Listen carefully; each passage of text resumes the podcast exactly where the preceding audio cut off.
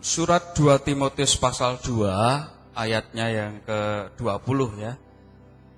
Surat 2 Timotius pasal 2 ayat yang ke-20. 2 Timotius pasal 2 ke-20. Sebelum kita belajar firman Tuhan ini kita akan berdoa sekali lagi. Tuhan kami minta pimpinan yang daripada Engkau supaya kami mengerti firman-Mu kami menangkap yang ilahi pada pagi hari ini. Kuduskan setiap kami. Dalam nama Yesus, haleluya. Dalam rumah besar, dalam rumah besar, dalam rumah yang besar, bukan hanya terdapat perak dari emas dan perak, melainkan dari kayu dan tanah. Yang pertama dipakai untuk maksud yang mulia dan yang terakhir untuk maksud yang kurang mulia. Saudara, hari kemarin kita memperingati hari pendidikan ya, Saudara ya. Hari pendidikan kali ini ya di tahun ini e, berada di dalam kondisi yang e, tidak seperti tahun-tahun yang lalu ya. Jadi tahun ini bersama wabah yang sedang melanda. Ya, saudara saya ngomong-ngomong tentang hari pendidikan, saya jadi teringat tentang para uh, pelopornya. Ya, saya teringat akan statement atau perkataan daripada tokoh pendidikan, ya, Ki Hajar Dewa mengatakan begini. Jadikanlah setiap tempat sebagai sekolah dan jadikanlah setiap orang sebagai guru. Ya.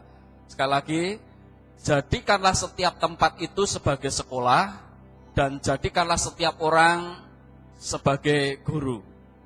Ini ini sangat bijak sekali ya Saudara ya. Jadi terlebih juga hari-hari ini kita juga perlu belajar keadaan yang ada ini biarlah ini menjadi sekolah buat kita. Keadaan yang ada ini biarlah ada sebuah guru menjadikan guru yang yang menjadikan kita jadi lebih. Ya, saudara. Hari ini kita akan belajar tentang dua perabot. Ya, saudara ya. Karena ini situasi, saudara kalau mendengar kata perabot itu biasanya ada di rumah. Saudara ya. Jadi isu-isu hari ini kan tentang diam di rumah. Kalau saudara lihat di rumah ya, apa yang saudara lihat tentu tidak jauh dari kata perabot. Firman Tuhan kali ini ya judulnya menjadi perabot yang mulia. Ya, firman Tuhan yang ke 21 2 Timotius pasal 2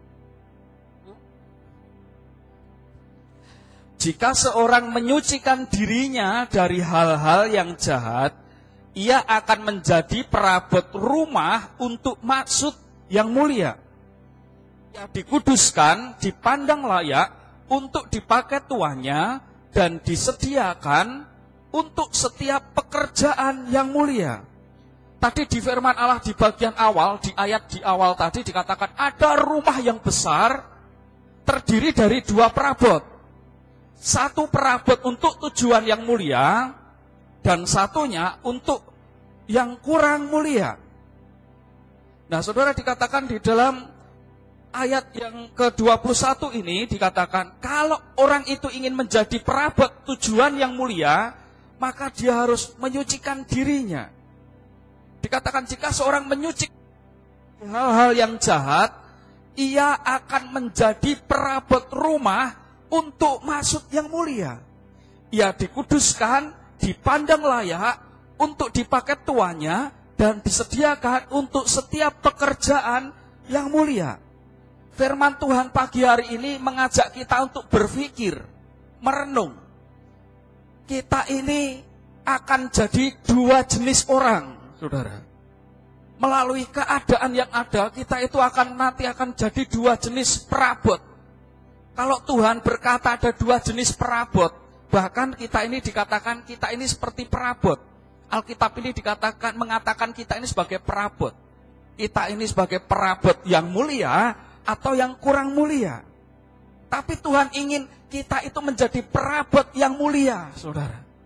Nah, kalau kita ini ingin menjadi perabot yang mulia, saudara, bahkan dikatakan ada perabot yang mulia itu dikatakan terdiri dari jenisnya emas dan perak. Yang berikutnya ada jenis kayu dan dari tanah. Tapi Tuhan inginkan kita menjadi perabot yang mulia. Saudara tahu nggak tujuan dari perabot yang mulia itu untuk apa, saudara? Untuk tujuan mulia. Tuhan ingin saya dan saudara dalam hidup ini, Tuhan ingin supaya saya dan saudara dipersiapkan untuk tujuan-tujuan yang mulia dalam hidup ini. Tuhan ingin kita tidak menjadi orang-orang yang biasa saja. Tuhan ingin kita tidak menjadi orang yang tidak mulia, tetapi Tuhan ingin kita menjadi orang yang mulia, saudara.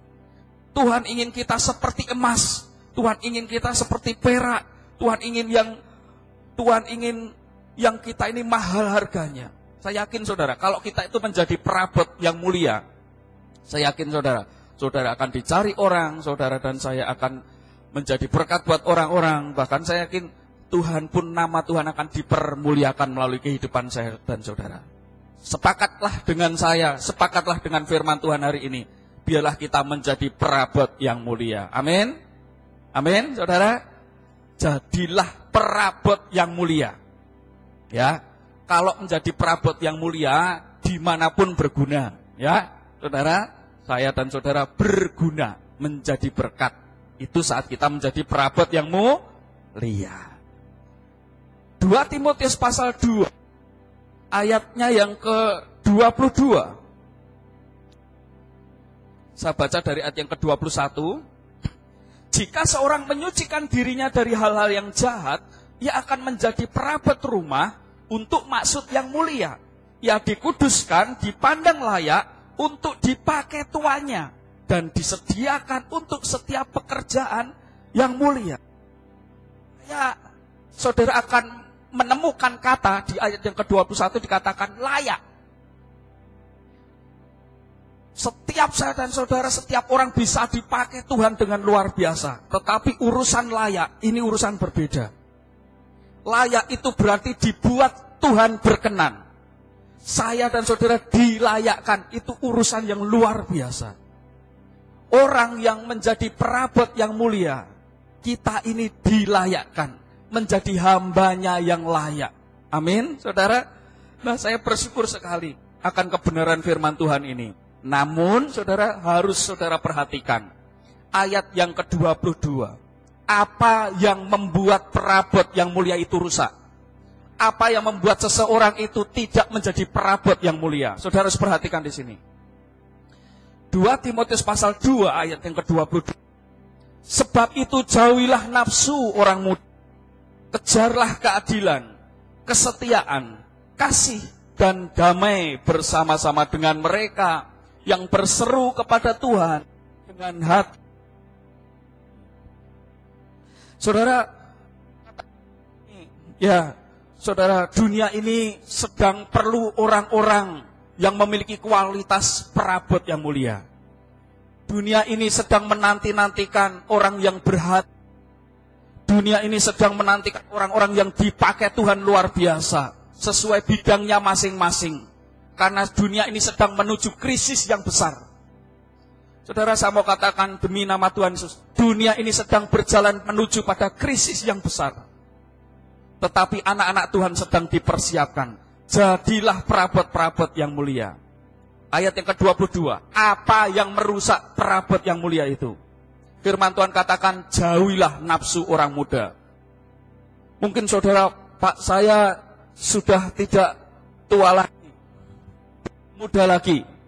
Ya, mungkin antara saudara juga berkata, Pak saya tua tapi semangat yang muda, semangatnya muda. Lah ini hati-hati saudara. Pokoknya yang muda-muda ini ya hati-hati saudara ya. Karena ada sisi negatif dari nafsu orang muda ini. Ini harus diperhatikan. Karena di hal-hal inilah yang membuat yang mulia itu menjadi rusak. Apa itu? Yang pertama, saudara, perhatikan yang pertama. Yang pertama adalah perhati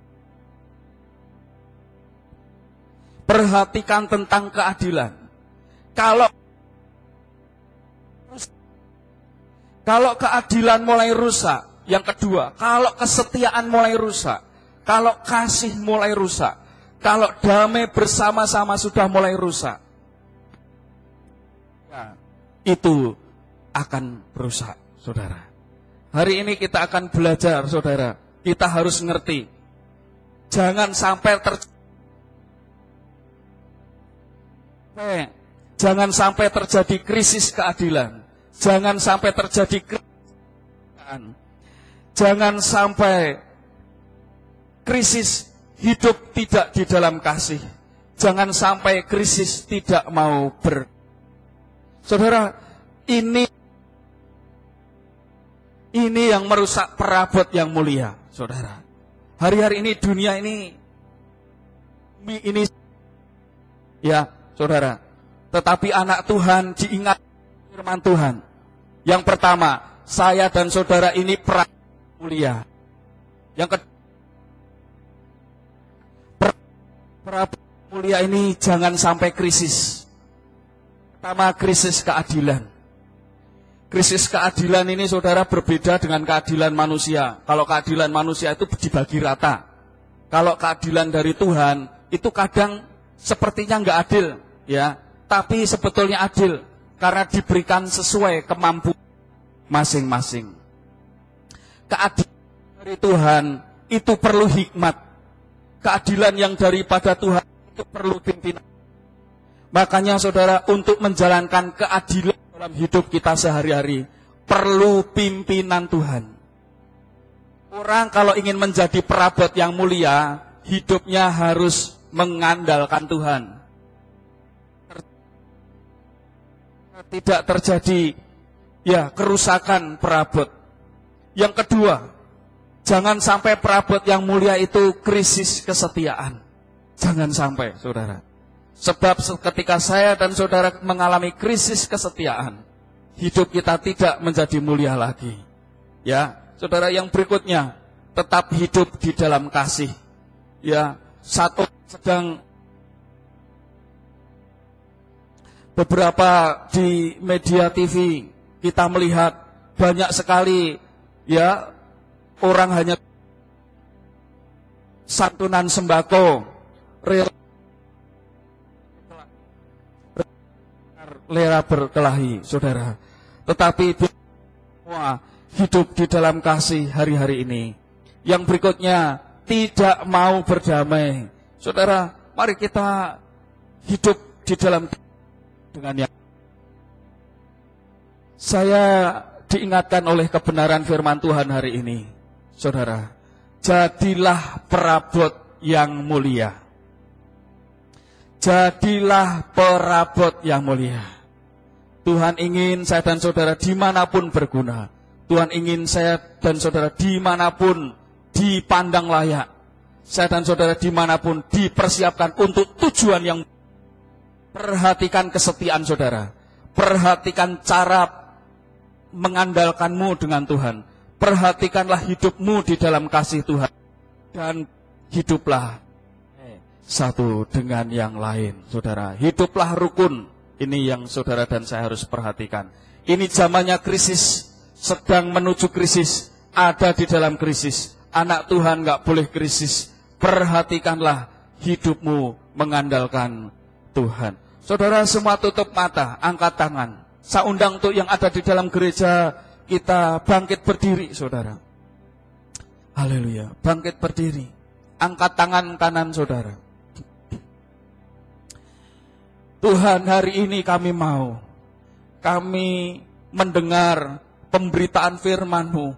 Firman-Mu mengingatkan kami, kami bukan diciptakan untuk tujuan yang biasa, tapi kami mau sesuai dengan firman-Mu. Tuhan menciptakan kami untuk tujuan yang mulia, seperti perabot-perabot yang mulia Tuhan.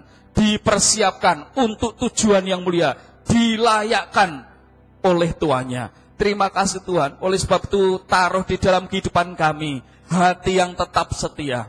Taruh di dalam hati kami keadilan-keadilan Tuhan. Supaya kami berjalan di dalam hikmat-hikmat Tuhan. Berjalan dalam pimpinan Tuhan. Kami juga mau Tuhan supaya hidup kami terus hidup damai satu dengan yang lain Tuhan. Kami mau Engkau memimpin kami, terus memenuhi hidup kami dengan kasih-Mu Tuhan. Terima kasih Tuhan untuk firman-Mu pada pagi hari ini. Kami mau menjadi perabot yang mulia. Di mana pun kami berada, tetap menjadi berkat buat banyak orang. Terima kasih Tuhan, terima kasih.